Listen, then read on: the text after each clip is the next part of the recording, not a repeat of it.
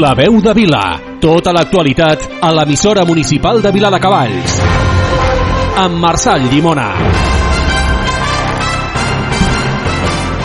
A les 6, bona tarda, benvinguts, ben tornats a la veu de Vila. Des d'ara i fins les 8, actualitat, històries i entreteniment a la ràdio municipal de Vila de Cavalls. Comencem.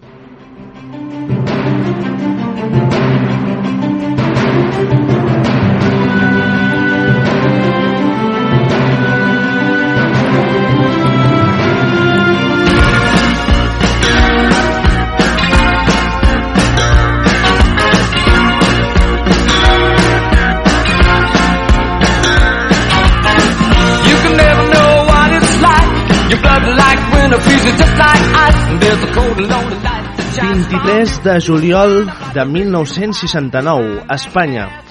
Francisco Franco Bahamonde, jefe del Estado, ha designado hoy a su sucesor, don Juan Carlos de Borbón y Borbón, de 31 años. Així és com recollia la premsa del moment la designació directa del dictador al Borbón. Anem a repassar cronologia de fets. El 2 de juny del 2014, mesos després de l'escàndol de la caceria de Botswana, és forçat a abdicar per part del govern espanyol en favor del seu fill Felip VI. Al perdre la condició d'inviolable per deixar el càrrec, es promulga una llei de successió que li atorga la condició de forat. El 2018, la Fiscalia de Suïssa obre diligències, diligències contra el rei emèrit de Corina Larsen pel suposat cobrament, atenció, de comissions il·legals per fer d'intermediari en les obres de l'AVE a la Meca. També se l'acusa de blanquets de capitals. Agost de 2020, en plena pandèmia, eh, abandona el país i s'instal·la a un paraís, a un país, paradís fiscal i amb règim autoritari com és els Emirats Àrabs.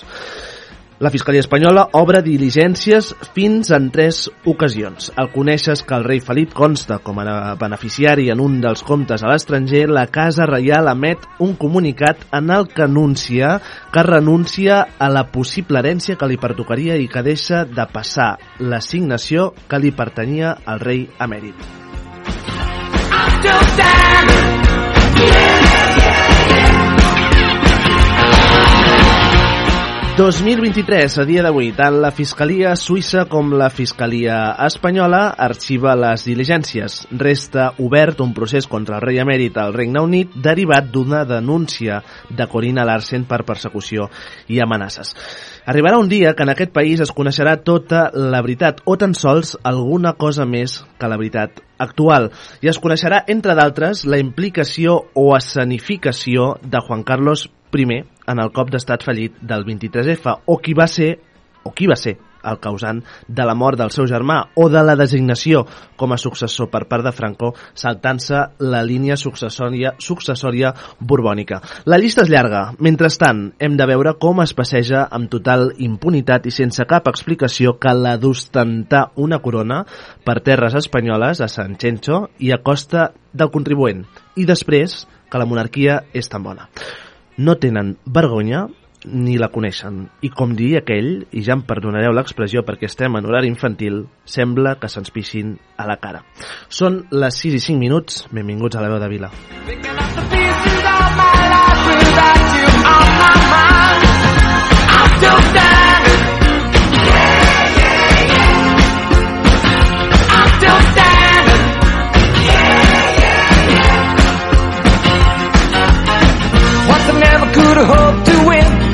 You're down the road, leaving me again.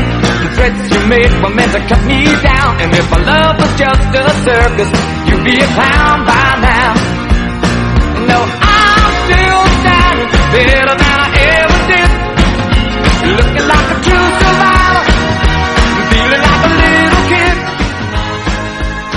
Vinga, 6 i 6 minuts de la tarda d'aquest divendres, divendres 21 d'abril, a les portes d'aquest eh, Sant Jordi, la diada del llibre de la rosa, de l'amor, de la vida, de la llibertat, en aquesta primavera atípica, atípica per les temperatures i atípica, eh, no sé, per què és atípica? Bona tarda, Antònia Moscoso. Bona tarda. Com estàs? Molt bé. Uh, Empar Moliner, bona tarda. Empar Molina, Molina, la molinesta TV3, perdona.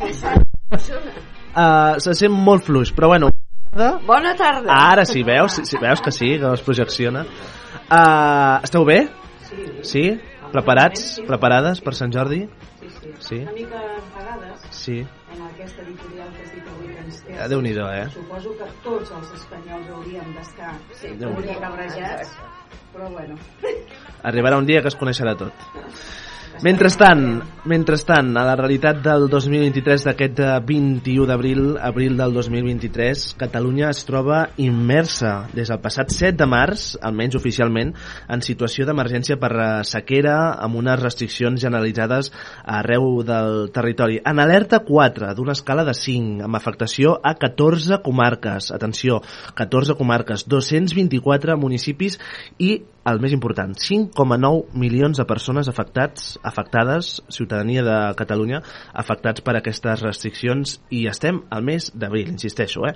Si les previsions més pessimistes es compleixen i en els mesos vinents no hi ha grans episodis de pluja, el govern declararà l'emergència per sequera al mes de setembre. Un escenari, ara hipotètic, però que un escenari que inicialment continuaria sense obligar a realitzar restriccions domèstiques a la majoria dels grans municipis, ja que la dotació màxima eh, se situaria en 200 litres per habitant i dia per sobre del consum actual. En tot cas, per parlar-ne i abordar-ho des d'un punt de vista tècnic, preventiu, però sobretot divulgador, per informar de la situació i ser-ne conscients, saludem els dos protagonistes de- d'aquesta tarda, d'aquesta taula d'anàlisi sobre la situació de sequera, però també de prevenció de, de la temporada d'incendis, d'estiu, de totes les recomanacions que nosaltres, des de casa, com a ciutadans, com a població general, podem fer. Uh, Xavier Duran, de l'Agència Catalana de l'Aigua, bona tarda. Hola, molt bona tarda. Com estàs? Bé, Bé? sí. Uh, I Montse Font, professional de gestió d'emergències, com estàs? Bona tarda. Hola, bona tarda. Tot bé també? Molt bé. Sí, fantàstic. Escolteu, uh, primer tot gràcies als dos també per, per ser i acompanyar-nos en aquesta tarda de, de divendres per acabar la setmana i per posar justament sobre la taula una temàtica que, que ens té a tots uh, preocupats, no? Dèiem ara a l'inici, no? Estem al mes d'abril i estem en una situació ja de sequera, de desabastament d'aigua des del 7 de març. Atenció, des del 7 de març, eh, que no és allò que ple juny, juliol, agost, eh, ple estiu, eh, que pot, pot arribar a passar, sinó que ara, doncs, a, al mes de març hi ha aquest decret de, de sequera. Eh, escolteu, eh, Xavier i, i Montse, Montse i, i Xavier, Catalunya es troba en risc de desabastament d'aigua? Responc jo primer, si voleu. A veure, ara mateix no hi ha, no hi ha aquest risc, sí que, que portem una situació que, que encadenem gairebé 30 mesos sense el que són pluges significatives a les capçaleres dels rius. Això el que està provocant és que en tot aquest temps hagin- s'hagin anat reduint les reserves de- d'embassaments i d'aquífers i això hagi obligat a que s'hagi hagut d'aplicar el decret de, ai, el pla de sequera, que és com l'eina que, que serveix per gestionar els episodis d'escassetat, doncs de manera progressiva, anant-se revisant cada mes i anar decretant els escenaris en funció de quin és l'estat de les reserves. La situació, doncs, eh, encadenem això, doncs, eh, aquests dos anys i mig sense pluges, no estan havent-hi els episodis de pluges habituals, com acostuma a ser la, a la tardor i a la primavera, que són les èpoques que hi ha una major recàrrega d'aigua, i doncs sí, estem en una situació doncs, delicada pensàvem que la sequera de fa 15 anys 2007-2008 era la més greu que havíem viscut fins ara però aquesta està, Per damunt, eh? està molt per damunt Mhm. molt per damunt Hi ha motius, per tant, per preocupar-nos, per alarmar-nos? hi ha motius per preocupar-nos perquè és això, vull dir, portem una, un temps molt llarg sense, sense pluges tenim sort que tenim ara mateix uns recursos que no teníem fa 15 anys com les desalinitzadores, els pous de sequera l'aigua regenerada, que això el que ens han permès és de, diguéssim, poder incrementar l'aportació d'aigua a la xarxa, Mhm. reduint, o, o sigui, eh, reduir el descens de reserves en el temps, o sigui, això ha fet que no haguem hagut d'entrar en escenaris amb més restriccions abans d'hora Mhm. i això ens ha portat una garantia, però tard o d'hora sempre estem a expenses Clar. doncs, que plogui i que aquesta pluja doncs, Clar. ens aporti aigua. Ah, hi ha una, una qüestió, Xavier i Montse, que el, clar, molta gent que ens pugui estar escoltant, més enllà de la preocupació compartida i també doncs, eh, crec que és necessari el fet de que experts en la matèria doncs, eh, ens pugueu explicar també com abordar-ho i sobretot des d'un punt de vista pedagògic i, i, i potser no tan alarmant sinó pedagògic, no? de com podem nosaltres contribuir a que això doncs, pugui tenir una frenada dins de, les, dins de, la, de lo que és la, la, la preocupació però, eh, però hi ha, hi ha persones que es poden estar preguntant escolteu, com més que, que tenint la quantitat de mar i aigua que tenim, per exemple, a Catalunya eh, no podem fer res, és a dir, per exemple el, el fet de posar una desalinitzadora que això, no, d'alguna manera eh, eh, acceleri el fet de, de poder desalinitzar l'aigua i, i tenir una, unes garanties de que no ens desabastirem no? això és possible? Sí, és possible i de fet ja, ja s'està fent. A Catalunya en tenim dues uh Mhm. -huh. desalinitzadores. Tenim la del Llobregat, que està a la zona del Prat de Llobregat, Uh -huh. i després tenim la de la Tordera, que està al costat de Blanes. Val. Les dues tenen una capacitat màxima de producció de 80 hectòmetres cúbics a l'any, Mhm. que això seria per fer una equivalència al que seria l'embassament de la Llosa del Cavall, que està al Mhm. Solsonès, Mhm. doncs aquest embassament ple. Les desalinitzadores tenen un avantatge que és no has de dependre de la pluja Clar. perquè, perquè portin aigua, Clar. però tenen la part diguéssim negativa és que tenen una elevada, un, un elevat cost energètic. Ja. Això què passa? Doncs quan tu tens els embassaments alts, aquestes plantes funcionen al mínim. Mhm. Funcionen entre un 10, un 20, un 30% de la seva capacitat habitual. En el moment que les reserves dels embassaments comencen a baixar, comencen a incrementar-se. O sigui, ara mateix estan produint el, gairebé el màxim de la seva capacitat. O sigui, en el mes de febrer del 2022 van passar ja a produir al voltant del 85%, va estar tot aquest temps aquest, eh, aquest rendiment, i a partir de l'agost es va in- incrementar la seva producció fins al màxim. I això el que ara estan fent és això, doncs estan aportant doncs en tot aquest temps han arribat a aportar entre 75 i 80 hectòmetres. Perquè la gent es faci una idea, seria com si agaféssim 80 camps del Barça plens d'aigua fins dalt i aquesta seria la quantitat d'aigua que han aportat aquestes desalinitzadores. O sigui Mhm. que realment és una tecnologia que... que ens permet frenar una mica sí. el fet de, del risc de desabastament d'aigua. Eh? Clar, eh, ciutats mitjanes com Manresa, com Vilanova, eh, ja assagen a reduir la pressió a la xarxa en lloc de talls d'aigua si la sequera s'agreuja. És notícia que coneixíem just a, aquesta, aquesta mateixa setmana. Eh, ho fan ciutats com, mitjanes, com dèiem, eh, com Manresa i Vilanova, ho fan mesos abans que el govern declari la, la situació de- d'emergència. De, uh, un escenari que no es preveu fins al, fins al setembre. Uh, uh, fins al setembre, dèiem, eh? Uh, escolteu, quines són les mesures a dia d'avui a nivell domèstic? Bé, a nivell domèstic ja ho estaven explicant, no? Intentar evitar el rec, el deixar de banyar-nos, passar l'ús de la dutxa, posar reductors d'aquests a, a, a lo que són les aixetes, intentar al màxim evitar. Jo també penso que no, no és tant l'esforç que fa el ciutadà com la necessitat que hi ha amb altres elements, com pot ser el tema dels fruiters, com és el tema de l'alimentació, que evidentment ells han de fer un esforç superior al que pugui fer un ciutadà normal i que implicarà doncs, el que dèiem unes despeses econòmiques importants perquè hauran de fer un rec que fins ara tampoc no preveien avui eh, sortia les notícies també el Delta de l'Ebre, el tema de l'arròs que és un, un aliment que a més va en funció de, de, de, de, de lo que seria una immersió total de l'aigua no? eh, clar que en aquest cas ja no parlaríem dels rius gestionats per l'ACA, parlaríem dels rius de l'Ebre en aquest cas, però podem veure que és una emergència generalitzada i que com a tema d'emergències i experta en aquest tema uh -huh. hem de pensar que això anirà més. Eh, ens hem preocupat ara perquè fa dos anys i mig que no plou però recordem que hem viscut dos anys i mig del temporal Glòria. O sigui que sí que tornarem a tenir un temporal i tornarem a tenir pluges però compte que seran aquests temporals que et cauen els 800 eh, i 1.000 litres en dos dies o sigui, el que, el que ens cau a Catalunya en un any doncs molt previsiblement ens cauran en dos o tres dies i això tampoc no estem preparats que és el que vam viure al temporal Glòria no?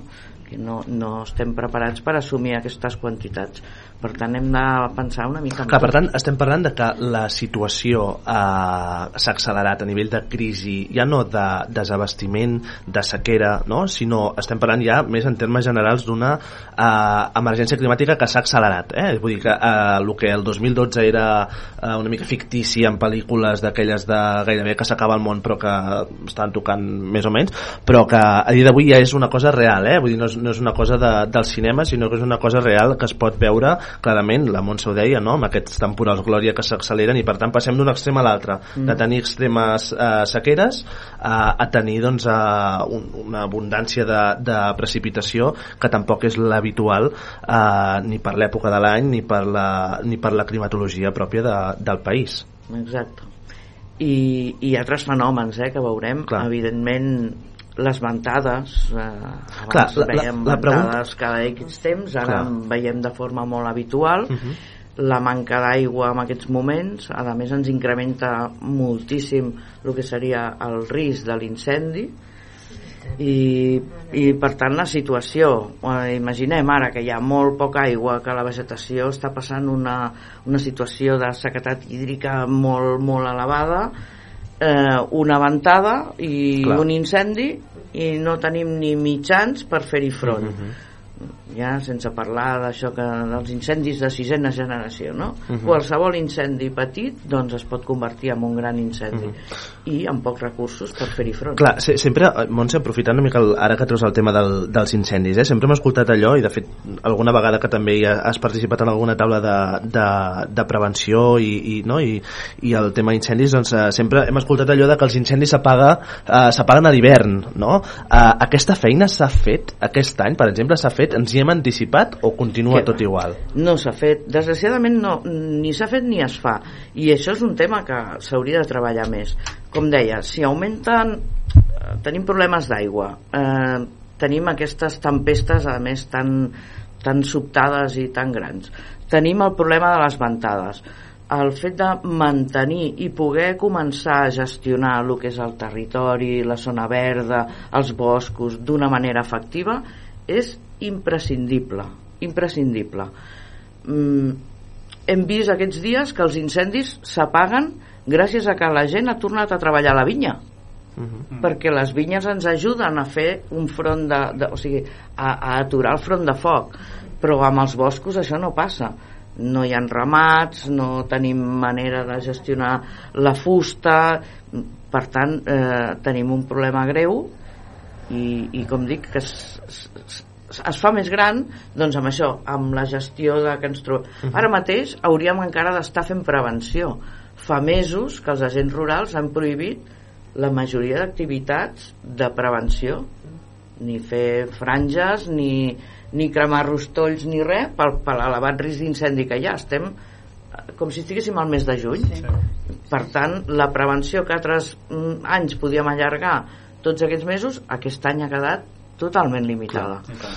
Clar, uh, tornant al, al tema de, de la sequera, eh? Uh, Xavier, uh, dèiem, les mesures a dia d'avui a nivell domèstic uh, Sí. gairebé encara no ho notem, però hem d'estar preparats per mesures més agreujants, més, més uh, d'afectació directa, diguem? Sí, jo crec que sí que hem d'estar preparats. Ara, és el, com bé deies, a nivell domèstic no hi ha una afectació directa. Uh Mhm. -huh. Sí que hi ha limitacions en el que seria l'ompliment de piscines, el tema doncs, del que és el, el ric de jardins, i jo crec que sempre hem d'estar preparats a això, perquè vull dir, no sabem quan pot haver-hi el proper episodi de pluges. Uh, sempre estem parlant de que la primavera és l'època de l'any que més plou, però clar, portem ja un mes i mig de primavera i de moment les pluges no estan arribant. Estem tot fiant-ho al, al mes de maig. Sempre es deia l'abril, aguas mil. Sí, sí, sí.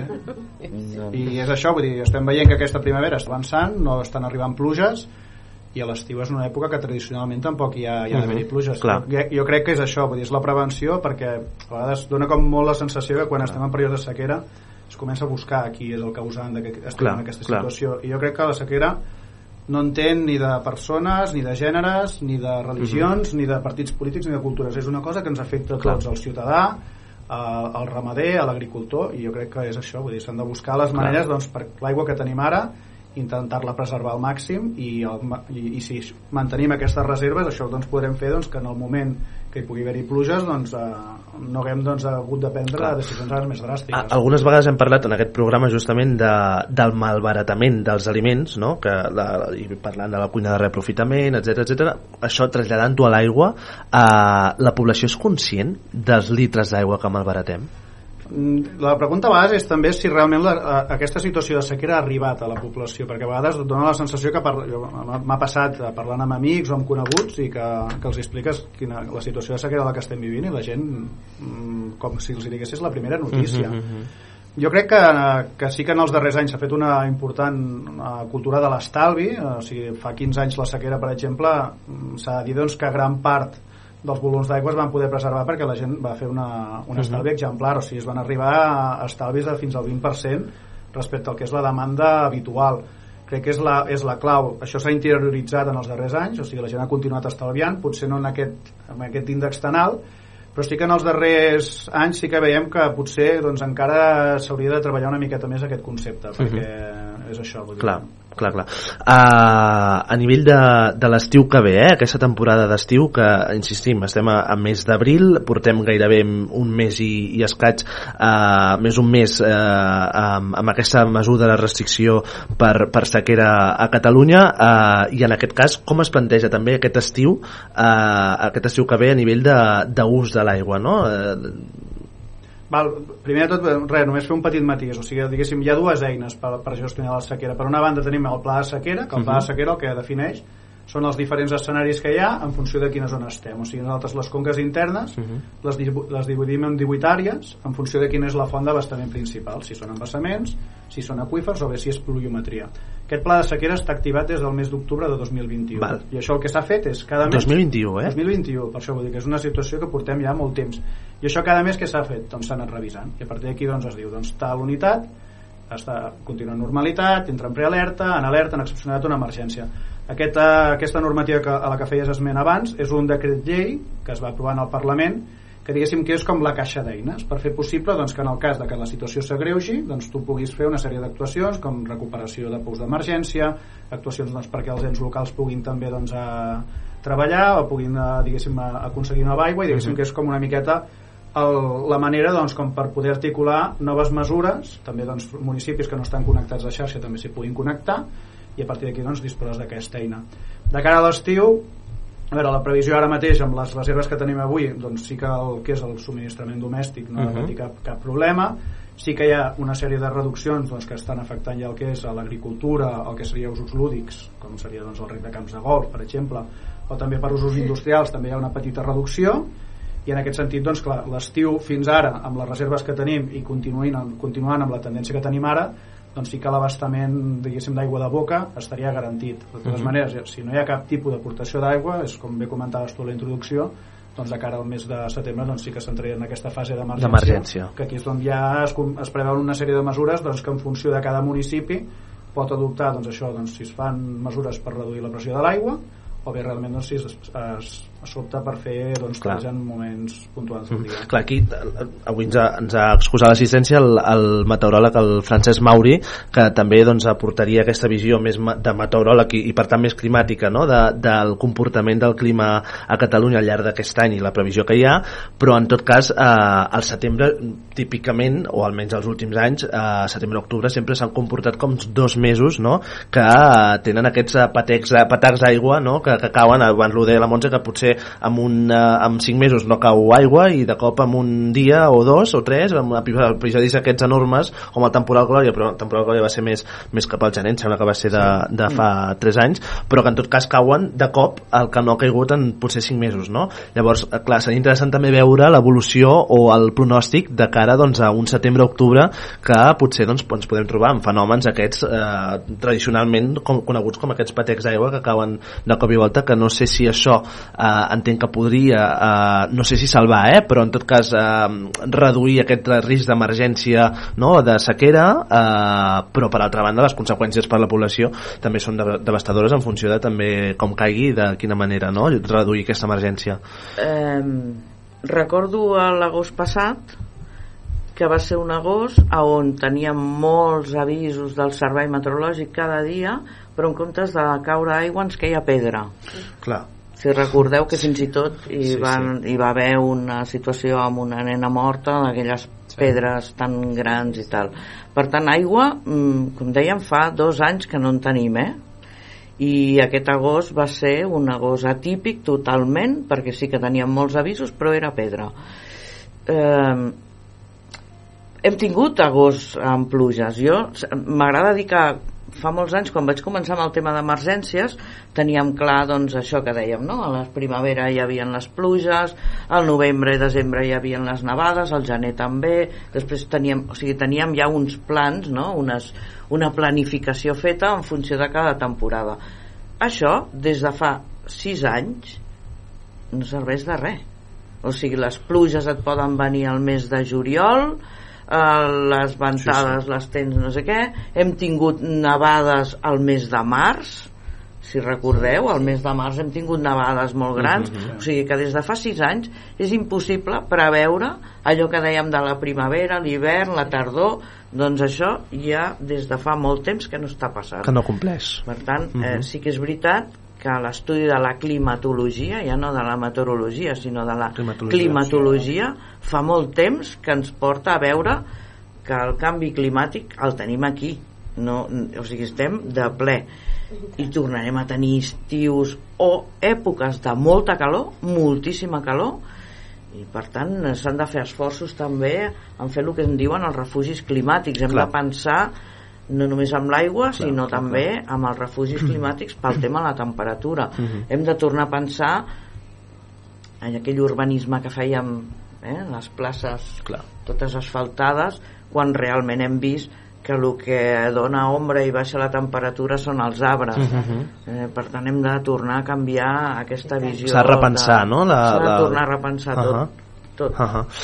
Uh, tinc moltes preguntes, però la- l'Antoni la, per uh, m'ajudaran ara, eh? però, però m'interessa sobretot el, el missatge no? de, de la pedagogia que dèiem abans. Eh? Uh, és a dir, uh, parlàvem inicialment, eh? les mesures a dia d'avui que no afecten a nivell domèstic aquesta, aquesta, aquesta emergència de, de sequera, però en tot cas, uh, de, de cara a l'usuari, a la població en general, eh? que és el que també especialment ens interessa, de quina manera uh, poden contribuir a ajudar a reduir justament aquest consum d'aigua, eh? ja pensant sobretot a dia d'avui amb, les, amb, la, amb, les, amb la realitat que tenim sobre la taula, però sobretot anticipant-nos a, a posteriors a, a, doncs a escenaris a, més a, pessimistes, diguem-ne. Eh? No sé, qui, no sé si pode- podem fer Jo sé- un si voleu, llistat de 4 o 5 coses de... Us explico el que faig a casa meva, Vinga, que he que segur que aconseguit serveix. reduir la, el consum de l'aigua a pràcticament Va, al com ho fa? Montserrat Font com ho fa per reduir el consum d'aigua? A casa meva, des de ja fa molt temps, primer vaig eliminar tot el que era la gespa del pati, això va quedar fora, totes les plantes i tal són amb, amb test, el qual facilita.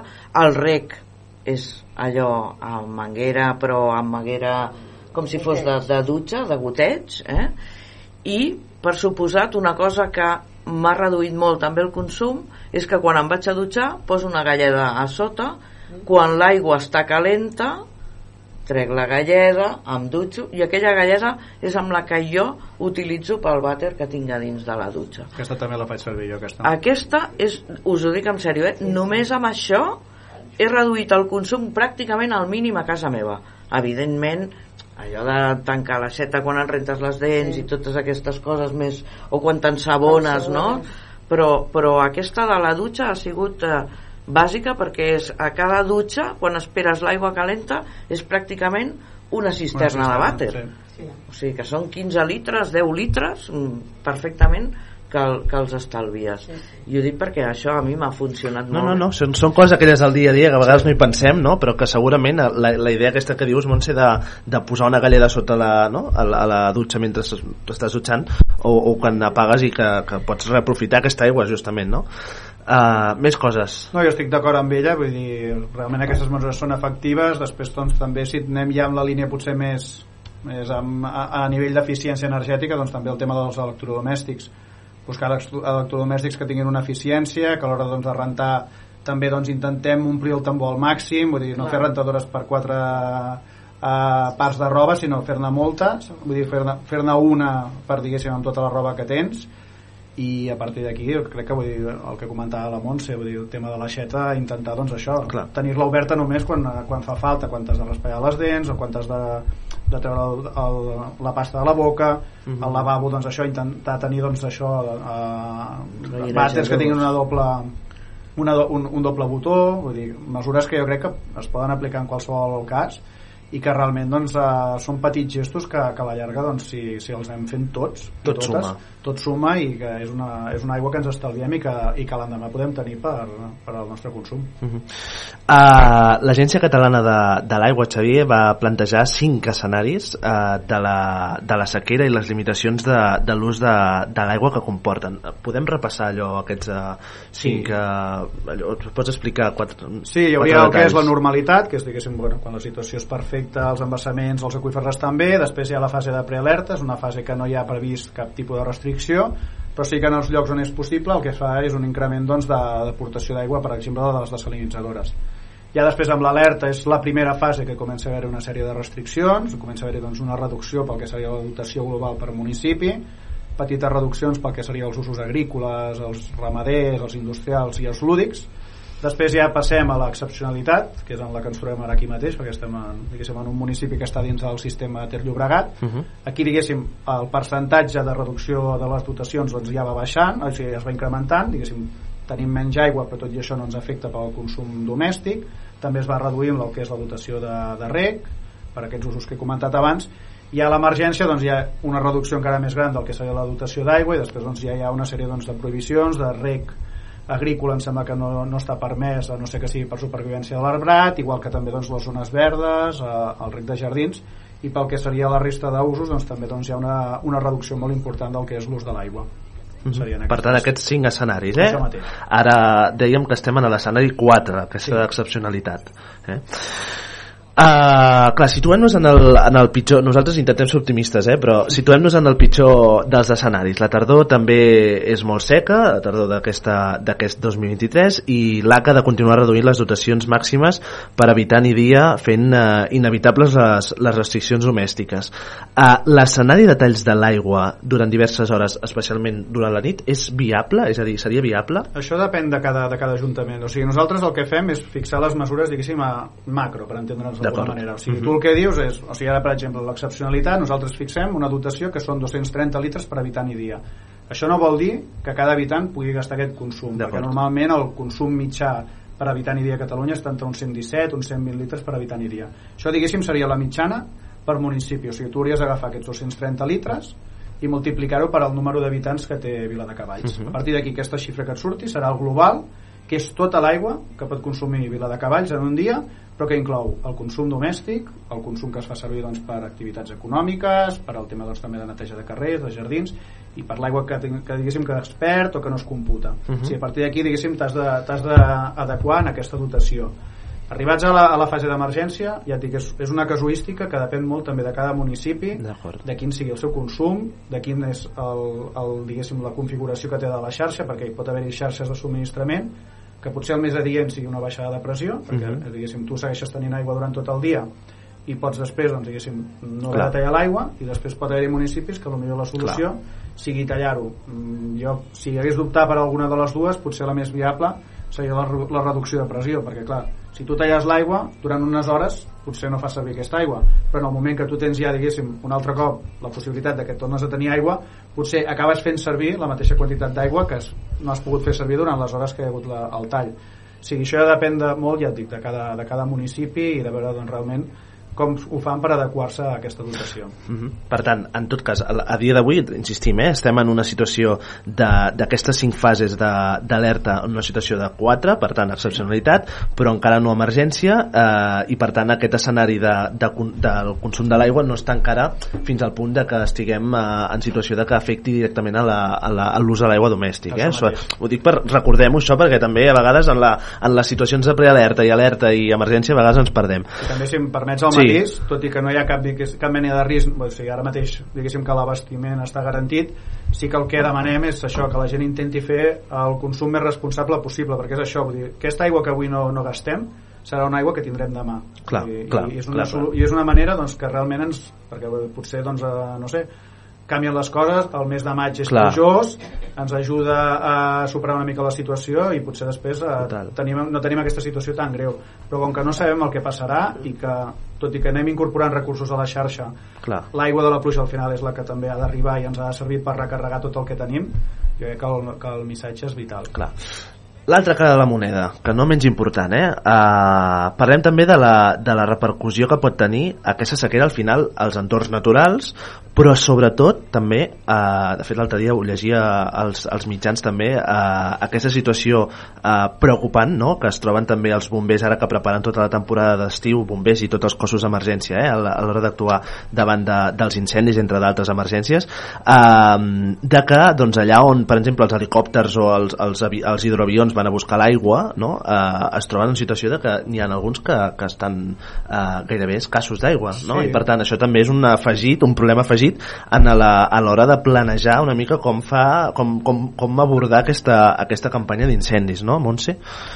Sí, és molt complexa. Primer, perquè si algú ha anat a mirar els pantans, bueno, surten les imatges. Fa pena, eh? Jo Surten l'altre les imatges a la i tele, però realment pena. quan ho veus en directe Sí, encara t'impressiona impressiona, impressiona molt.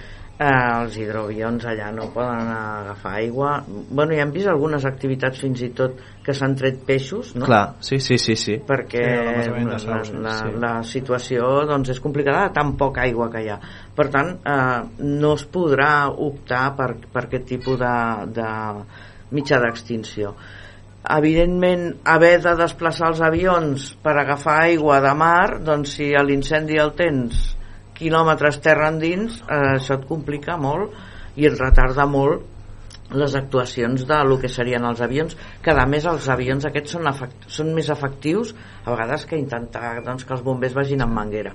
I després doncs evidentment els camions de bombers necessiten anar omplint aigua. Imaginem tant si és una hora en què hi ha un tall en aquell municipi com si és una hora en què hi ha una restricció d'aquestes que et surt poca aigua Clar, ells treballen amb mangueres de 70 de diàmetre no? eh, doncs amb una capacitat d'omplir un camió que potser aniria molt ràpid aniran molt més a poc a poc o sigui que la situació davant de l'extinció d'incendis és molt complicada molt Uh -huh. i, i ja et dic mm, eh, els incendis doncs s'haurà de deixar cremar S'ha de deixar cremar, eh? clar, s'haurà de deixar cremar i fer el que ells en diuen els tallafocs que vol dir que creen una franja més gran d'extensió, comencen a fer una, un tallafocs i deixen cremar la resta Mhm. això quan ho veus doncs se't regira una mica tot Clar. Però permeteu-me. Sí, tant i tant, per favor. Espera, ha- haurem de fer una cosa. Uh, espera, Montse, apropa aquest micro allà a l'Empar. Fem aquestes coses aquí de la ràdio local. Així se sentirà més bé. Ara. No fa massa va sortir un, un senyor per la televisió que demostrava com poder controlar un foc. Un producte, tira un producte allà on, on no arriba encara, tira el producte i quan arriba en aquell punt el foc ja no pot continuar. Això vaig pensar, home, doncs això és un gran invent perquè si, si ho posen al, al voltant d'allà on hi ha un incendi fins a cert punt arribarà però després ja no pot passar Clar. jo trobo que aquestes coses s'haurien de- d'estudiar, de, tenir en compte I tant. em va semblar una cosa molt interessant són els retardants Sí, perdoneu, eh? Aquest... No, preocupis. Fa temps que existeix això, eh? són els retardants. Però pensem que un incendi forestal, on hi ha molta càrrega de foc, es pot estar treballant, com deia, doncs igual a 800 graus de temperatura 800 amb vent, graus, eh? sí, i amb vent i això corre molt i va Clar, molt ràpid. um, si recordem els incendis de l'Empordà que ja fa uns anys en què es van propiciar a més perquè hi havia tramuntana. Els bombers tenen una mesura de càlcul de, de com pot ser de potencial un incendi que li diuen el salt de flama. El salt de flama vol dir que si es produeix un incendi aquell dia amb aquella hora concreta uh -huh. es poden produir salts de flama que van doncs, des de 10-5 metres a 300 o 500 metres. Clar, 300 o 500 metres penseu que et creua una autopista o sigui la flama, un, un foc et creua l'autopista. Per molt que et sembli que una autopista és una bona zona de tallafoc doncs amb aquests dies tan complicats mm, no.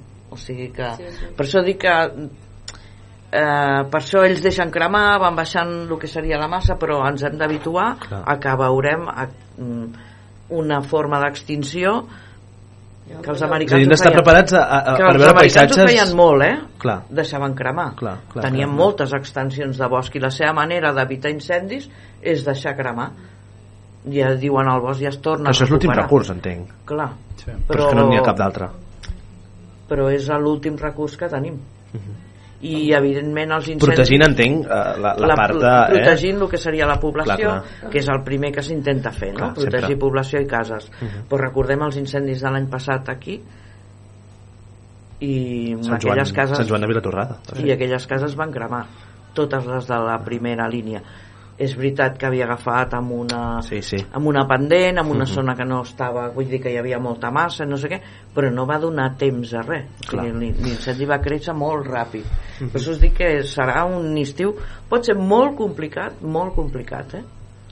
Vinga, 6 i 41 minuts d'aquesta tarda de divendres. Uh, divendres 21 d'abril i estem parlant de, de prevenció d'incendis eh? Sí. vull dir que això també que siguem conscients una mica de la, de la magnitud de la, de la tragèdia uh, en tot cas, uh, la Montse deia eh, hem d'estar preparats per un estiu que, que es preveu difícil no? en, en quant a, a, a incendis uh, hem d'estar preparats per què? És a dir, de, de quina manera nosaltres també hem de començar a ser conscients de que, de que potser ara el 21 d'abril ja podem començar a fer feines no? de si doncs, vivim per exemple en una, en un, enmig d'un- descampat que, ha, bueno, que tenim algun descampat pel voltant que cal netejar, que cal avisar el propietari perquè el netegi, per, no? etc etc. segur que tothom té el cap, no? evidentment excloent aquí ciutats i, i àrees metropolitanes eh?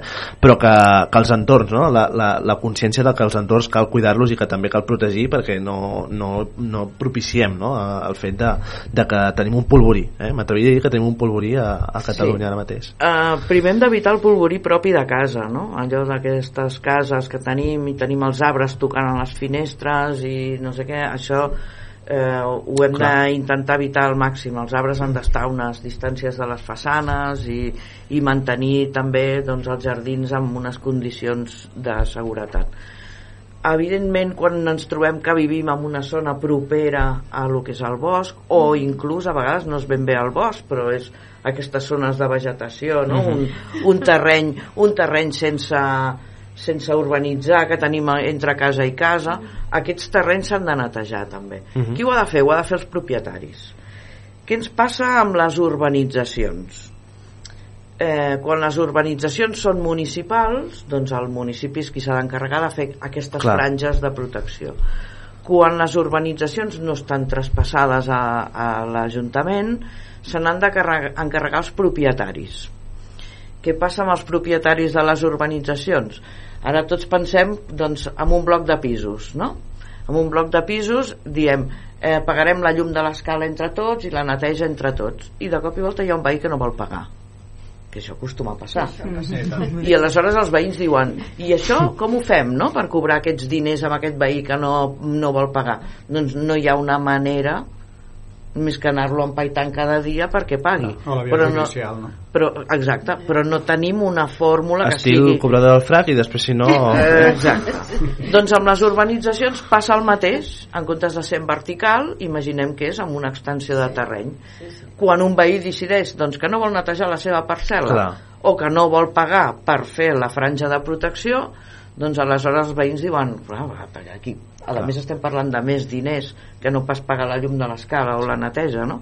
parlem de diners més importants clar, els veïns aleshores diuen, escolta, jo no vull eh, haver de pagar Clar, això clar. perquè hi ha X veïns que no ho paguen, que no ho volen pagar i per tant aquí comencen els problemes davant de com fem aquestes franges de protecció per tant eh, hi ha, eh, És complicat. és complicat tot plegat. Hi ha fórmules eh, per resoldre això i és que el propi municipi estableixi allò de si no ho fas tu acabaré fent jo però després t'imputaré. Clar, i és la manera de que l'Ajuntament avança els diners, fa la franja perquè els veïns no ho han fet, no?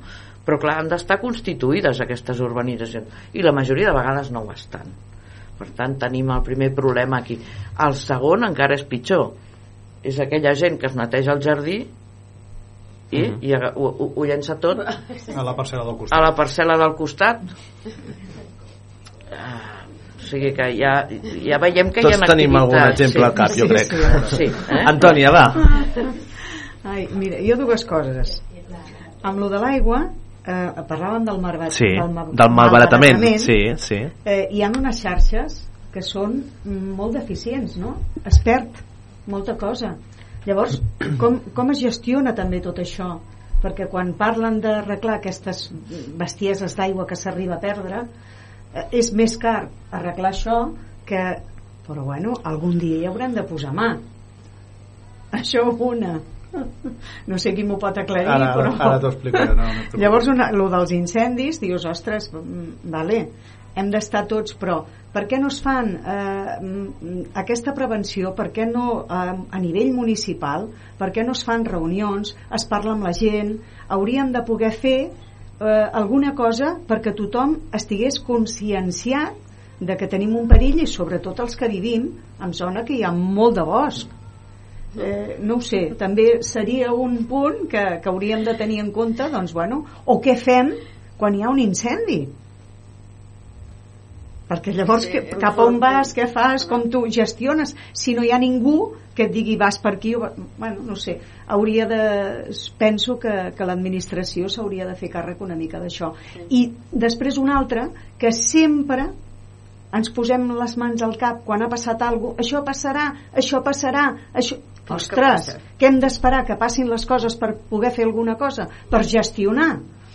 Aquí anem una mica perduts. Responc, si vols, al tema de les xarxes. Ara, s'ha donat molt la xifra aquesta que ha circulat pels mitjans, de que les, la, diguéssim, el conjunt de canonades que hi ha a Catalunya que perden un 25%, no és exactament una pèrdua. Normalment això el que vol dir és que hi ha com una, bueno, diguéssim, un 25% de volum que no es compta, hi ha subcomptatges, per suposat que hi ha una part d'aigua que, es, que es perd, diguéssim no és només fuita, també doncs, hi ha una part d'aquesta aigua que el que es fa servir és, doncs, per exemple, quan fas una reparació, aquesta aigua, aquesta aigua la destines per netejar la canonada o el que sigui, i a partir d'aquí és una aigua que tampoc es computa. Uh, sí que hi ha camp per córrer amb el tema de la millora de les xarxes, uh, vull dir, això sí que és una, una, unes actuacions que diguéssim a nivell local, perquè hauríem de fer com, ha com diguéssim com dos pols.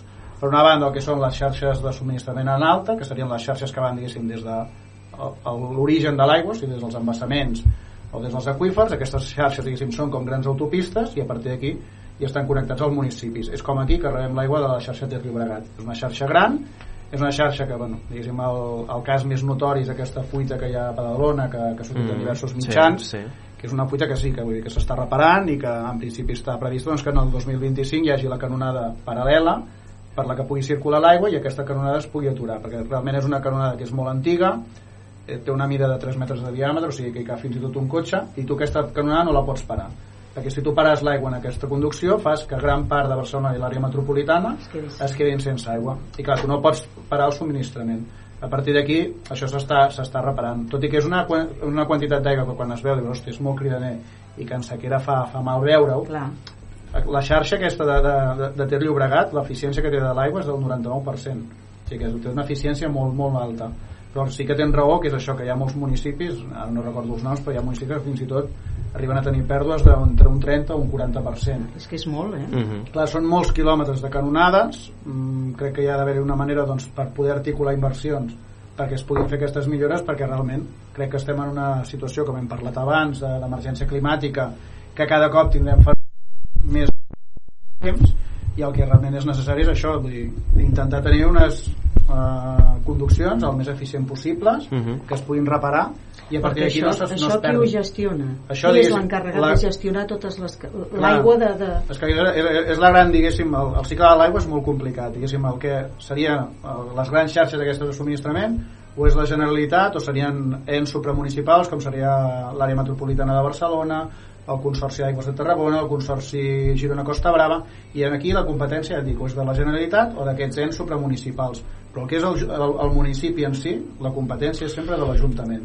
O sigui, l'Ajuntament és, diguéssim, qui té la competència en el subministrament i a partir d'aquí és qui s'encarrega de, fer una, de, de posar una tarifa, aquesta tarifa és la que paguen tots els ciutadans i amb aquesta tarifa doncs, el que s'hauria de fer possible és que també repercuteixi en la millora d'aquestes xarxes i de que es pugui millorar s'ha parlat ara en aquests darrers setmanes del tema de, de les inversions per sequera i precisament des del govern i des de l'ACA doncs, s'està doncs, mirant de que es faci una, una línia d'ajuts de 50 milions d'euros per aportar-ho als ajuntaments perquè puguin fer millores i puguin, diguéssim, reparar fuites que puguin tenir. Vinga, 10 minuts per les 7 de la tarda, haurem de deixar-ho aquí dos minuts, eh? Uh, Empar, volies dir alguna cosa i acabem? O, oh, sí? Bueno, jo el que volia mm, ressaltar és que ja ha sortit diverses vegades a la televisió una fuga que hi ha a Barcelona això, això que deia. A Badalona. A Badalona, Badalona. a Badalona Sí. que fa 18 anys que sí. està perdent aigua és vergonyós Sí. és vergonyós això això no, es- no s'hauria de, de, de comportar No, no, per suposat, és, eh, el que comentava abans, ja et dic, és una, és una fuita d'una conducció que el problema que té és que és una canonada que és molt ampla. Primer és una, una conducció que em sembla que està feta dels anys 60 als anys 70 i és molt, molt gran, o sigui, tu hi podries cabre tu amb el teu cotxe. a sí, dins. sí. I clar, diguéssim, tu no pots, tu no pots entrar pares, això. clar, tu no pots entrar o parar aquesta canonada, vull dir, no és un tub petit, o sigui, és un tub que si tu realment el pares fas que tota l'aigua que ve de la part del Ter i, de, i que vindria també doncs, de, tant del Ter com de la desalinitzadora de Tordera aquesta aigua no arribaria al que seria una part de l'àrea metropolitana. Tu si talles aquesta conducció a partir d'aquí diguéssim no pots passar l'aigua. Què s'està fent? doncs s'està fent una, una conducció alternativa amb les mateixes mides està feta en tres dels quatre trams previstos i el quart tram es farà ara. En principi són dos, eh, cap al 2025 estaria feta. El que sí que es va fer la sequera de fa 15 anys és un conveni amb l'Ajuntament de Badalona per veure si aquesta aigua que es perd es pot reaprofitar.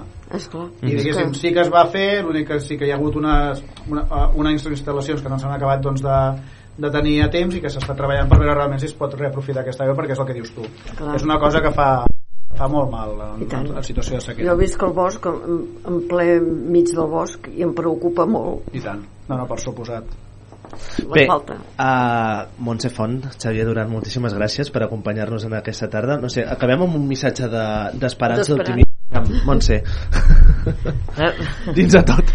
Jo sempre dic que acaba, que acaba que plovent, eh? I que els 700, 800 litres anuals a Catalunya acabaran caient.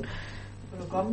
Com i quan, això sí que No no, se sap, però sí que ens acabaran caient. Xavier, Sí, jo penso igual que la Montse, a veure, és el que dèiem, sí que tenim un clima mediterrani, que tenim aquesta dualitat entre sequeres i, i pluges torrencials, desgraciadament el canvi climàtic el que està fent és accentuant aquests dos extrems, i bueno, és el que parlàvem abans, el temporal Glòria va generar moltes destrosses, però gran part de l'aigua que tenim avui en els embassaments és gràcies a aquest temporal que realment doncs, en 3 dies va provocar doncs, Va que, per omplir. exemple, sí, sí, els embassaments del Ter recordo que estaven al 58% eh, per cent, diria, i amb això van omplir-los i fins i tot va, diguéssim, sobrepassar perquè es va haver d'alliberar aigua perquè realment és que estava entrant molta més aigua de la que podien aguantar els embassaments. Doncs seguirem atents a, a les previsions i, en fi, molta prudència, sobretot, i intentar col·laborar. La col·laboració ciutadana, que sempre és tan important. Montse Font, Xavier Duran, moltes gràcies uh, per ser aquí. Bon cap de setmana. Igualment. Nosaltres res, dos minuts i comencem amb el públic i amb una tertúlia. Vinga, fins ara. No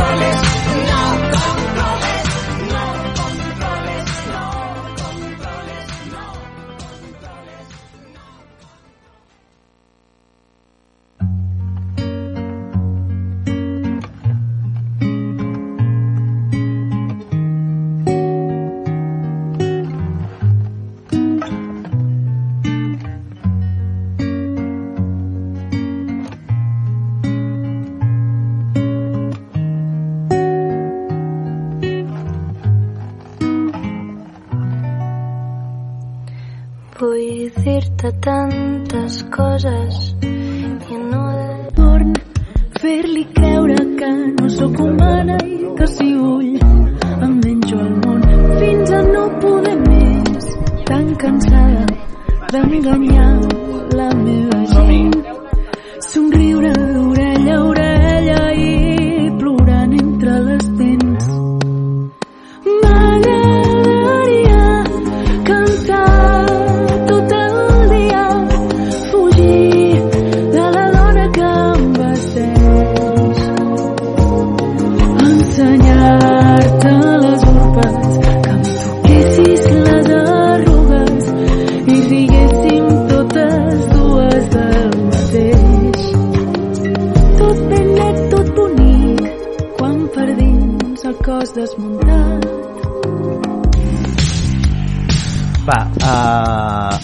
deixeu-me situar. 3 minuts, falten 3 minuts per les 7 de la tarda en aquesta tarda de 21 d'abril, gairebé a les portes de Sant Jordi. Carme, uh, Carme, com estàs?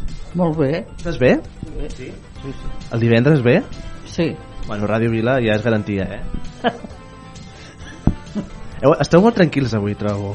Sí. L'aigua us ha pacificat. Això de parlar de l'aigua és pacífic. Sí, bueno, Què? Es relajante el agua. Sí? Només l'aigua? No vagis enronar.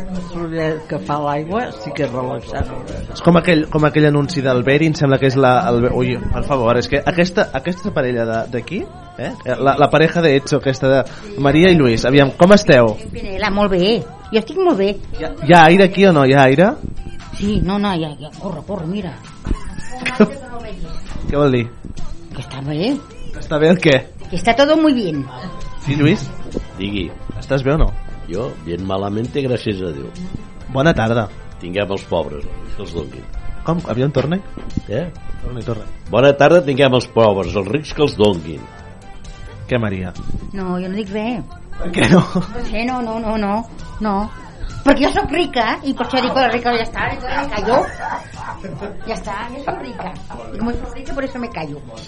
Como ha dicho los ricos... Escolta, eh, eh, eh, abans la tertúlia d'abans de l'aigua i dels bombers no ens has passat el micro. Jo... Anem molt justos de temps, però puc dir alguna cosa no? sobre els incendis? Eh? Quan hi ha hagut un incendi li has de buscar sempre la part positiva. Diran, hòstia, hi ha una part positiva després de l'incendi, collons i tant. Eh? Hi ha un incendi i queda tot net. I llavors aquest municipi estarà uns quants anys que estarà tranquil. No s'haurà de preocupar pel foc, perquè que ha quedat net ja no hi ha perill. Aquesta és la part positiva. Si arriba a ploure, si arriba a ploure, sortiran espàrrecs, es faran rebessoles, múrgoles, que es diu, eh? i això és la part positiva després d'un incendi. Lo fotut, lo fu sí, home, sempre hi ha una part positiva en tot. Lo fotut és que doncs, el, tot el bestiar que hi ha en el bosc pst, desapareixerà. I ara, i ara, ara que, que és el temps que el bestiar anida, que fan els nius, si escala foc, es moriran els, el, els, els pares, diguem, i el que pugui sortir encabat, que quedarà tot net. Ens ve, com dèiem, eh? ens ve una temporada que serà... Inter... Salud, eh? Com, com? Que és rica, però en salut. Encara estàs pensant en allò que has dit abans, eh? Que, clar, cada, aquí cada un va temps. Però rica, no, no, rica. Roser, aviam, Roser, posa, posa una mica de llum sobre la foscor. Bona tarda. Com estàs? Bé. Sí. Bé, però ho dius amb resignació. Bueno, perquè portem uns dies així estranys, sí. Però, És la primavera, no? És la primavera. llei de vida i és el que passa. Escolta, doncs benvinguda sigui la ràdio una mica per distreure'ns tot. Gràcies. Va, uh, escolteu, uh, anem a parlar d'hàbits. Anem a parlar d'hàbits. Parlem sobre diverses coses ara aquesta, aquesta última part del programa, però ens interessa parlar eh, d'hàbits, val? i en tres, uh, en tres sectors diferents. Per fer-ho fem amb, amb la Carol Duran. Bona tarda. Bona tarda. Apropa't al micro, que si no et sentim. Bona tarda. Molt bé, ara sí, ara sí. Mira com riu. Aquí tothom riu, tu, escolta. Demana'm, demana'm. Molt bé, bona tarda. Primera bona, bona tarda, benvinguda, Gràcies. ben trobada. Uh, Alberto de Momento, benvingut, bona tarda. Hola, bona tarda. Com estàs? Jo sempre bé, ja ho Tu saps. sempre bé. jo... A veure, cosa, a, a quina t'has llevat avui? Avui a, a les 5 i mitja. A les 5 i mitja, eh? Sí. No fa una hora, sinó a les 5 i mitja del matí. Del matí, sí, sí. Sí, sí, sí, sí. Déu-n'hi-do. Sí. I tu, Carol? Jo m'he llevat a les 7. A les 7. Cada dia em llevo a les 7. Cada dia et lleves a les 7. Cada dia a les La 7. Carme diu, hosti, quin matiners. Tu quina et lleves, Carme? Bueno, depèn. Depèn, què vol dir? Que tingui. A- Avui, per exemple? Avui a dos quarts de deu. A dos quarts de deu del matí. Ojo. Molt bé, molt bé. Ho puc permetre. Oh, tant, escolta. També me'n vaig a dormir molt tard perquè vull. Aquí, aquí, aquí, aquí. Aquí, aquí ens interessa, aviam. Maria, A la orden, dime. bon di bona tarda. Buena tarda. Escolta'm una cosa. Uh, a veure com ho plantegem això. Tu veus molt la tele? Sí, yo sí. I què hi veus a la tele? Ay, bueno, ya estamos. Las novelas. La turca. No, la Telecinco no me gusta.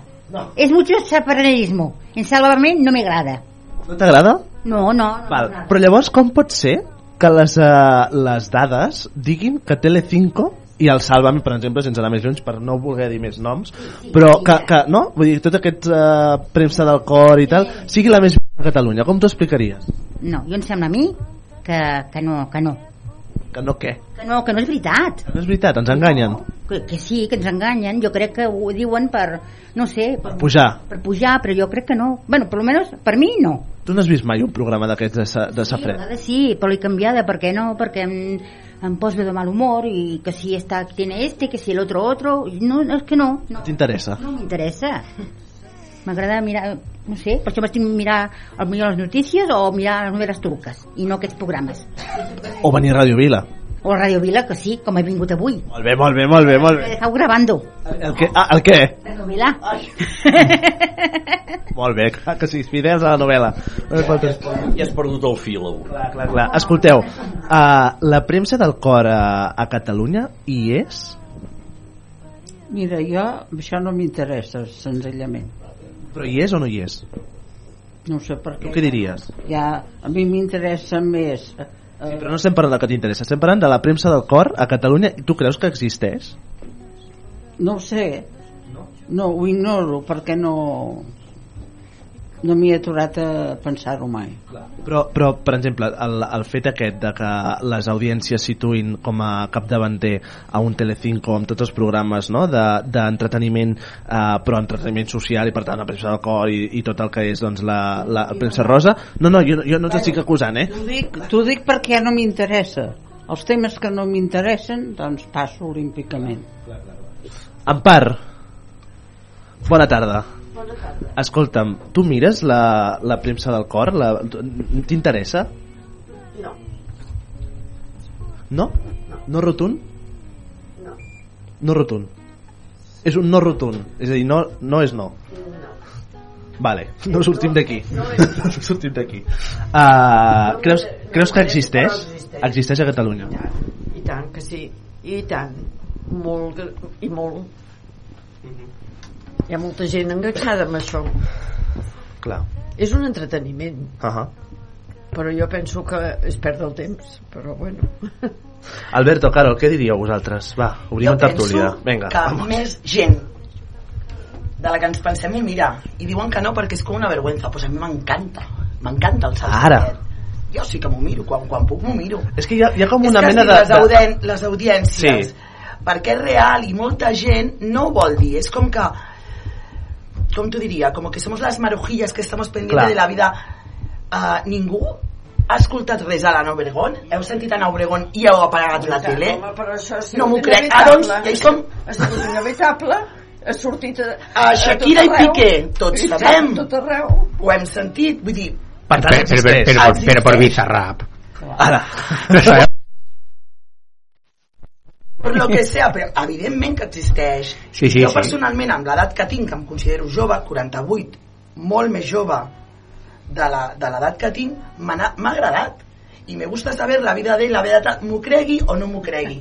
Quan comencen a desvariar, sí que és veritat que em molesta. Però, avui, em sembla que és, doncs justament a Telecinco fan un programa d'Anna. Doncs jo, si puc, el veuré. Clar que si vull saber el per què, el per què no, però quan hi ha un boom de notícies d'aquestes del cor, tots... Sí, és que hem de saber la vida dels demés. Clar.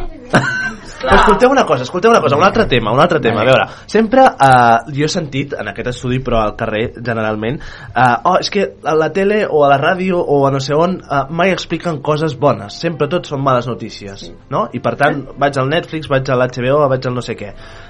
Però el fet de tenir unes audiències tan brutals perquè són unes audiències descomunals Bueno, estan baixant ara, eh? clar, ara estan baixant però que en tot cas durant un temps s'han mantingut i molt regulars eh, de premsa del cor, la premsa rosa no?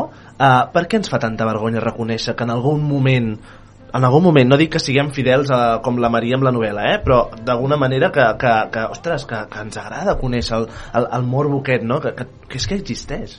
¿No? Yo, yo, yo creo que, que, bueno, yo es que también pienso que depende del tiempo de tu Claro, vida y- claro. y, cómo lleves tu Claro, vida. O sea, yo voy a un ritmo que no me, que no me puedo parar a escuchar según qué tonterías. O sea, entonces yo sí que busco cosas Pero la de la interesantes. Shakira, ¿te la has escuchado no? Mil veces, pero, no, no, pero, pero por Bizarrap. Mm, Yo Bizarrap, soy muy fan de Bizarrap, de todas las tiraderas y tal, como con la de René y, y, y a mí sí que hay cosas que me interesan. Pero el tema que entrábamos ahora, que es por qué, porque cuando hay programas realmente interesantes, la gente no los mira. O sea, la gente prefiere vivir en una cosa que sea mentira, que sea fácil, que se entienda rápido y que en el fondo es lo mismo. Saber la vida de uno o de otro no deja de ser todo lo mismo. Uno ha engañado a Juan, a Pedro, a Manolo. Considera, es verdad. Buen resumen, buen Eh, eh, resumen. claro, o sea, y al fin y al cabo Manolo. hablamos de nuestras miserias. Al- Algunos los que nos gustaría hacer o lo que no Claro. hacemos o lo que no nos atrevemos y bueno, lo hacen Claro, nosotros, claro, pues está bien. Pero, pero no. Vale. Bajarà. Vale, vale, bueno. Hem copsat una mica aquest ambient de, de la premsa del cor a Catalunya eh, i veig que hi ha una mica de sentit, no? Bastant, que coincidiu bastant més enllà del que mireu i del que no mireu i del que us interessa o no, eh? Anem a parlar de relacions. Sí? De què? Relacions de què? Ara ho veuràs. Ui, com t'avances, eh, Carol? Oi, oi, oi. Relacions, Oi. a veure. Uh, fa, no sé si fa un mes, em sembla, va venir uh, uh, dos dels promotors de Tindercat. Tindercat és aquest fenomen nou que està sorgint eh, a partir de les xarxes socials, a partir de Twitter, que és un espai on eh, la gent es coneix a través de Twitter, eh? i a través de Twitter doncs, comencen a parlar, a xerrar, i fins al punt doncs, que ara és un fenomen que s'ha viralitzat i s'ha convertit en un fenomen doncs, també que ha transcendit les xarxes, diguem-ne, eh? és a dir, que no és el, el Tinder, eh? de, no cal confondre amb el Tinder de l'aplicació del mòbil, sinó eh, doncs, d'un fenomen que s'ha extrapolat als carrers i per tant doncs, han muntat algun esdeveniment doncs, de, de quedar amb gent que, que, bueno, doncs, que coneixen, joves, no tan joves, adults, tal. Um, clar, aquest fenomen, el 2023, es pot arribar a entendre, però el, no sé, per posar una data, eh? 1970, a l'època, la dècada dels 70, que era un moment també d'obertura, però això s'entenia tant?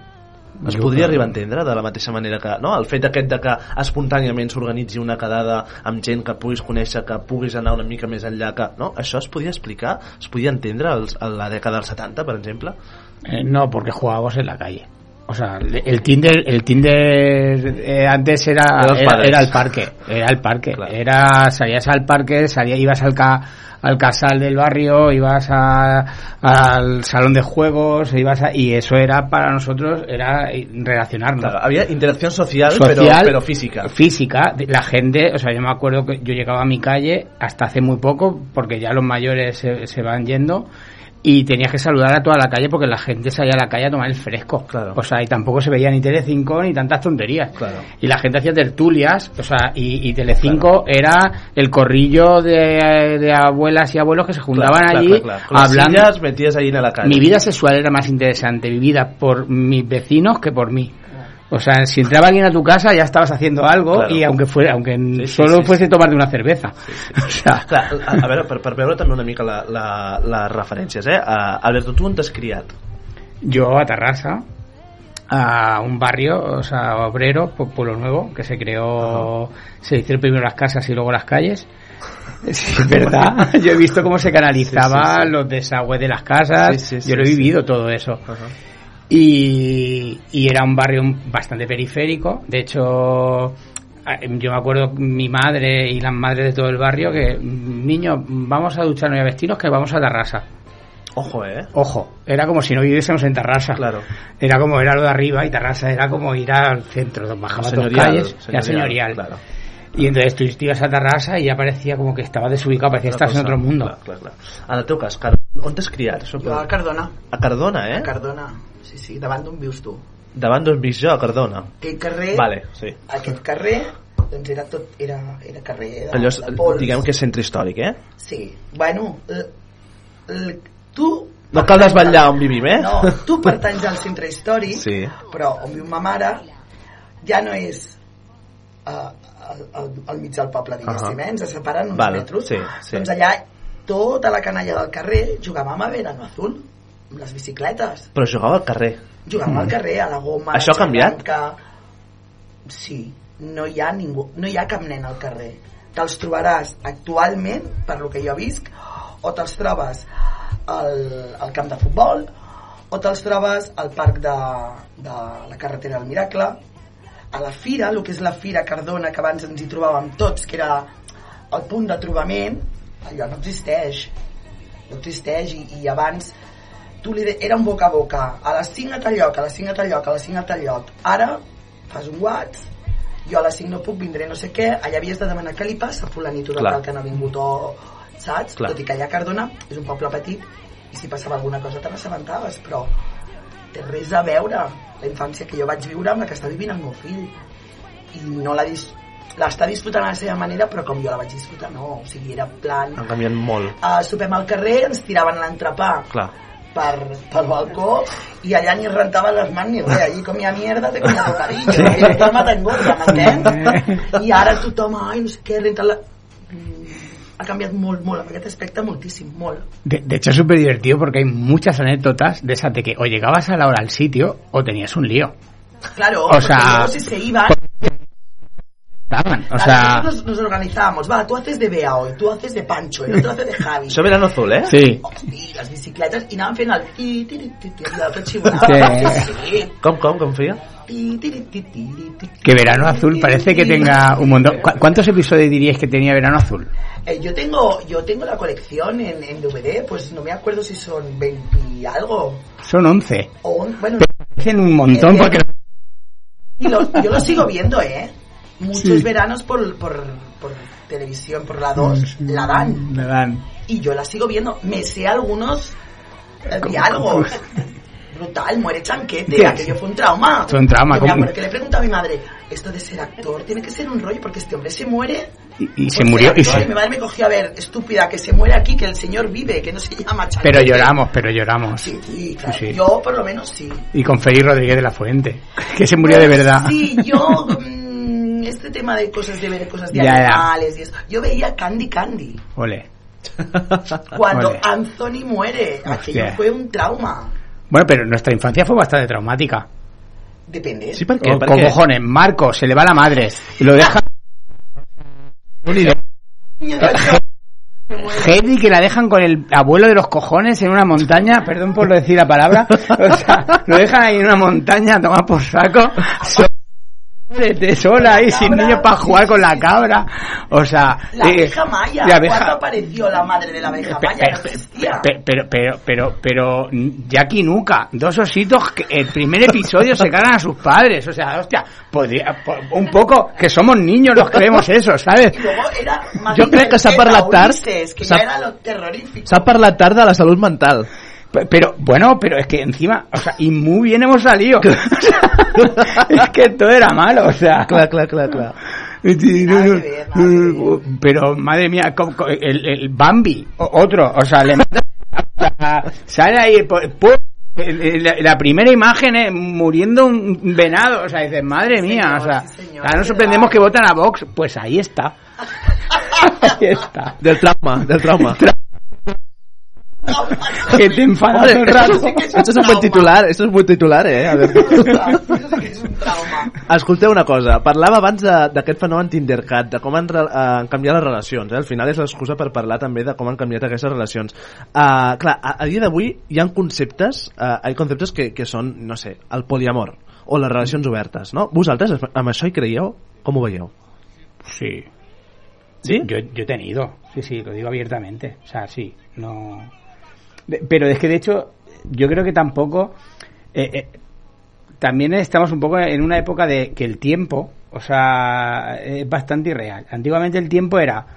mm, era un tiempo que parecía que no pasaba nunca. Claro. O sea, tú tenías una vida. eh, yo- o sea, yo, yo creo que nos estamos equivocando socialmente porque vamos muy deprisa. Vamos tan deprisa que no nos da tiempo ni conocernos. O sea, entonces es correr todo el rato. Entonces, lo de las parejas, o sea, entiendo muchas parejas que se crean o se formalizan porque es que no, no hay otra manera de vivirlo. O sea, ¿cómo puedes estar tú con una pareja sola, dedicándole tiempo con la faena que tenemos, con el trabajo, si encima eres un poco activo, ¿qué te voy a contar a ti? O sea, que, que, eres- que, que, que, eres culo Pero inquieto. entonces, si no tienes tiempo para una, haces un poliamor. No, ¿Tienes tiempo para dos? eh, no porque pero porque porque la gente acaba o sea, lo de las relaciones, o sea, si no tienes tiempo de verdad para tener un amor, lo que acabas teniendo son cosas ahí Rolletes. rolletes puntuales, Vale. le puedes disfrazar como quieras. ¿Te cuadra amor ahora? o- ¿Te cuadra? Vale, clar, és que parlem del poliamor y yo me imagino, ¿no? Estás con una pareja y yo quizás es que soy muy egoísta. Yo Hmm. lo quiero todo para mí. Sí, sí. Yo no lo voy a compartir con L'exclusivitat. La- Estàs parlant de l'exclusivitat, Carol. Com? L'exclusivitat, és a dir, tenir una persona només per tu. Claro, yo tengo una persona y si va bien de coña y si no va bien, pues oye, tú para tu casa y yo para la mía. O sea, mm, eh, ¿aceptarías una infidelidad? Depende, o sea, hasta que te lo encuentras. Sí. O sea, yo ya, yo ya por, por, por defecto, mi cabeza dice no y mi boca dice depende. claro. De què depende? Clar, quan et diuen eh, imagínate, sales una noche de borrachera y echas un, un cacahuete ahí, pero tú no tienes sentimientos, tú no sé què, te vas a casa, lo cuentas a la pareja, hòstia, jo em poso en situació dic, si jo tingués parella, que per cert no en tinc, eh, perquè ho sapigueu. Toma ya. Eh, Toma ya. Toma ya. si, si- bueno, pero estoy en el Tinder y en el Badoo y estas cosas. Ah, también. Madre claro, mía, madre mía. Yo no. Mi pareja viene y me dice, A lo "Se mejor- acaba de echar un polvo con una persona eh, porque va tajado, o sea, si vas tajado, no sabes lo que haces, o sea, sabes que estás echando un polvillo. Uy, no sé, igual ahí soy un poco recatada, todo que no me considero recatada para nada. Alberto, com el ves? Poliamor i jo no. Escolteu, potser, vosaltres dos us coneixíeu, Alberto? No, no, no. Yo, Potser, yo, potser yo no podem- tengo Tinder ni tengo... Potser, o potser sea, podem organitzar un sopar. Bueno. Bueno, Sí. No hay problema, no hay problema. No hay, no hay un no. Eh, nunca. Pero... Ah, bueno. Qui paga? Qui paga? Eh, sin problema. A cadascú es paga el seu. Ara, ara, ara, ara, un aplaudiment, un aplaudiment per la cara. Molt bé, molt bé, aplaudiment, aplaudiment. Hombre. Sin problema. Venga, Pues- endavant, endavant. De- depende, porque, por ejemplo, o sea, yo hubo ha, ha habido momentos de mi vida en que, por ejemplo, tú te enamoras de alguien o te, o te surge cualquier cosa, pero los tiempos es muy difícil que se cuadre. ¿Sí? ¿Correcto? A veces coincides con personas, pero una persona puede estar buscando algo serio, o al- otra persona no, y coincides y te llevas bien, te gustas y, y empiezas algo que no sabes a dónde va Sí, sin etiqueta, sin evidentemente. etiqueta. Y entonces, en ese momento empieza, se empieza a hablar.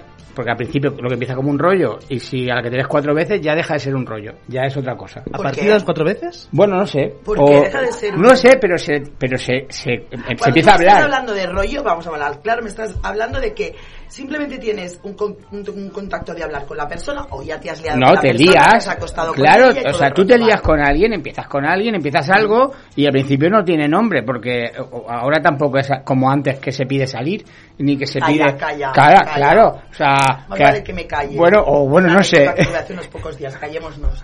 Pues tú empiezas algo y luego de repente la persona no está en el mismo código que tú, pero a ti te ha surgido algo, te ha pegado una chispa, pues aceptas según qué cosas. Entonces ahí es cuando empieza a cambiarte el concepto. Yo eh, hace unos años estaba en tu sitio, en yo no aceptaría no sé qué, porque yo pa' qué, porque si está conmigo, si, si no pa' qué, y al final acabas aceptando otras otras formas de vida porque existen. Y al final tú te enamoras o no, y luego la persona se enamora y luego tú ya no estás enamorado porque, porque pasan esas cosas, entonces se su- surge otro tipo de relaciones. Te buscas una querida. No, pero está sin estar.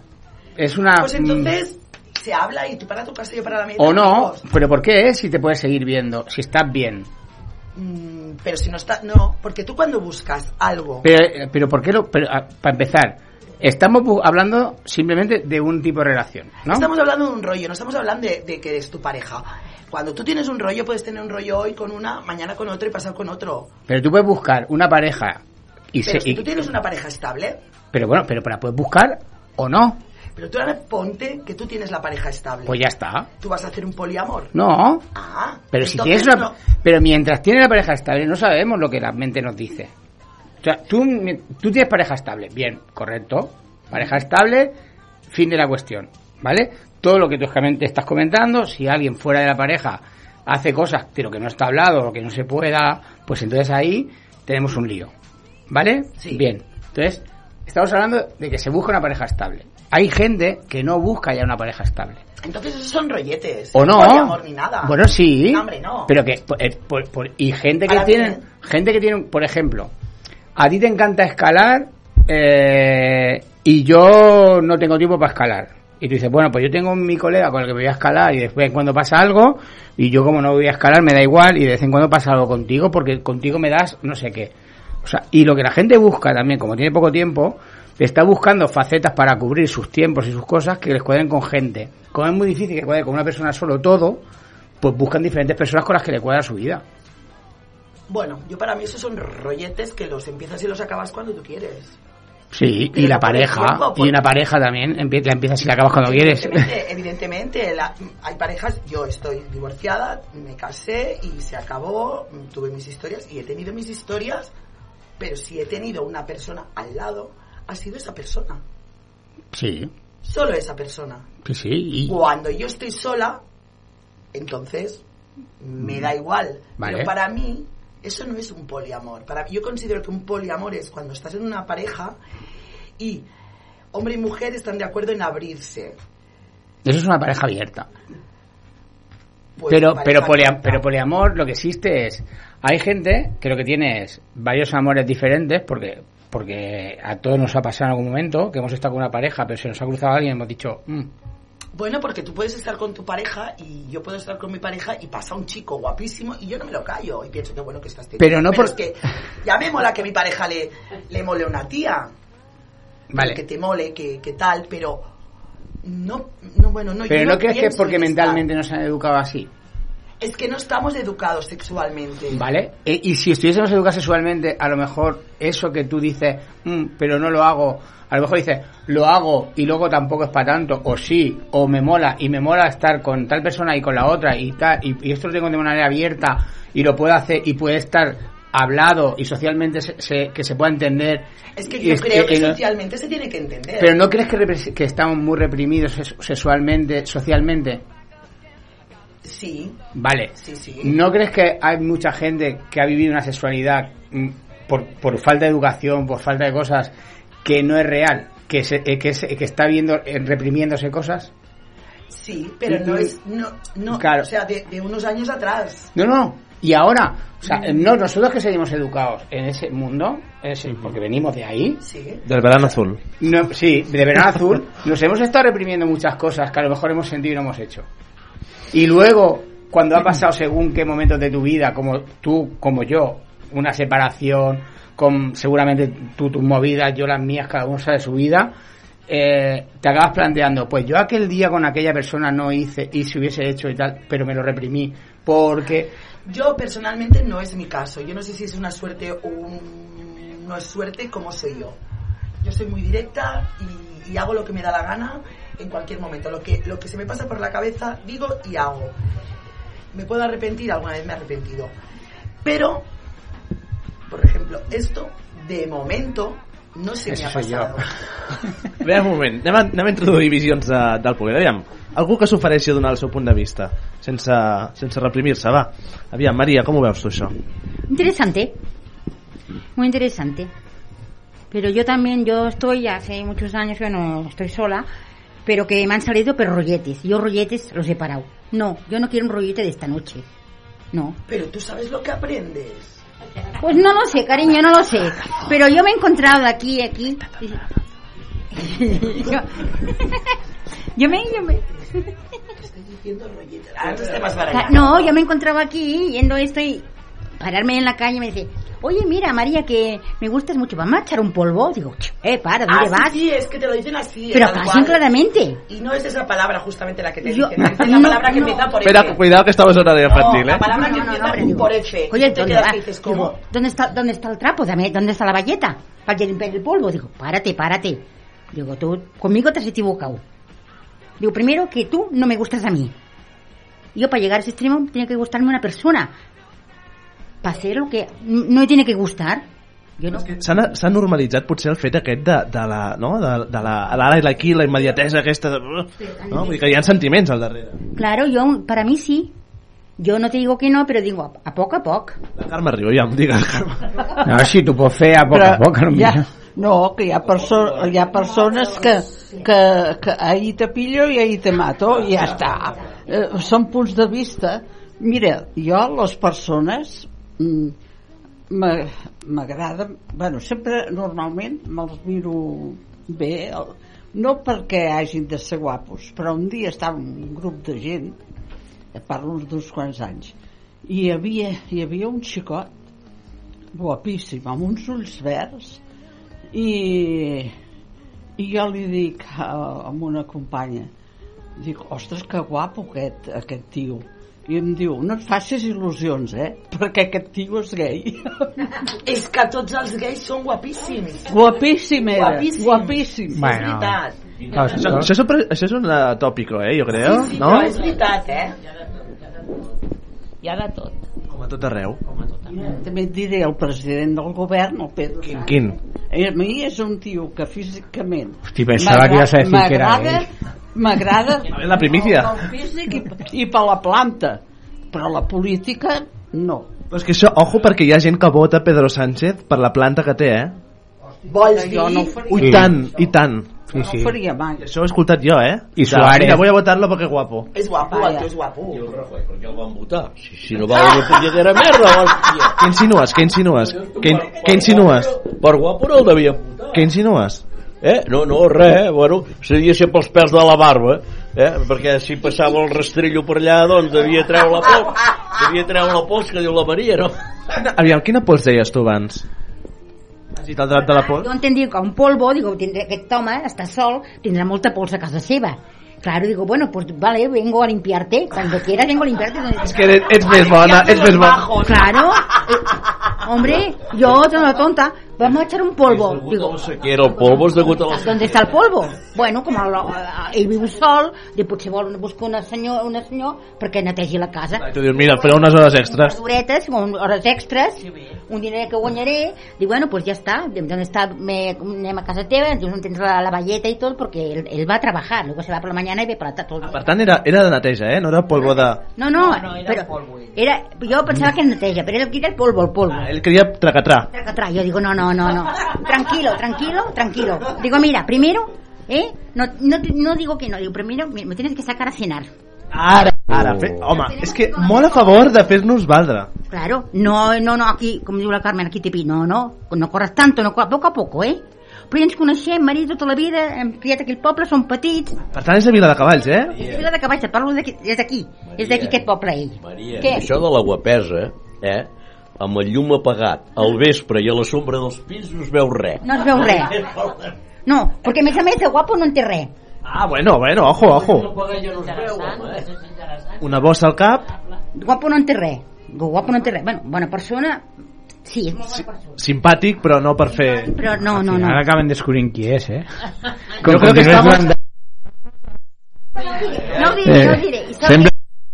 que ell tampoc no escolta, no escolta la A veure, a veure, està aquí, està aquí l'estudi, no, eh? No, no. Vale, vale, vale. Per anar descartant. Ell tampoc no escolta la ràdio. Però no ho diguis. No, no, jo més bé... No, no cal, no cal. A poc a poc ja està, ens coneixem, anem a, anem a, anem a ballar, un dia d'excursió,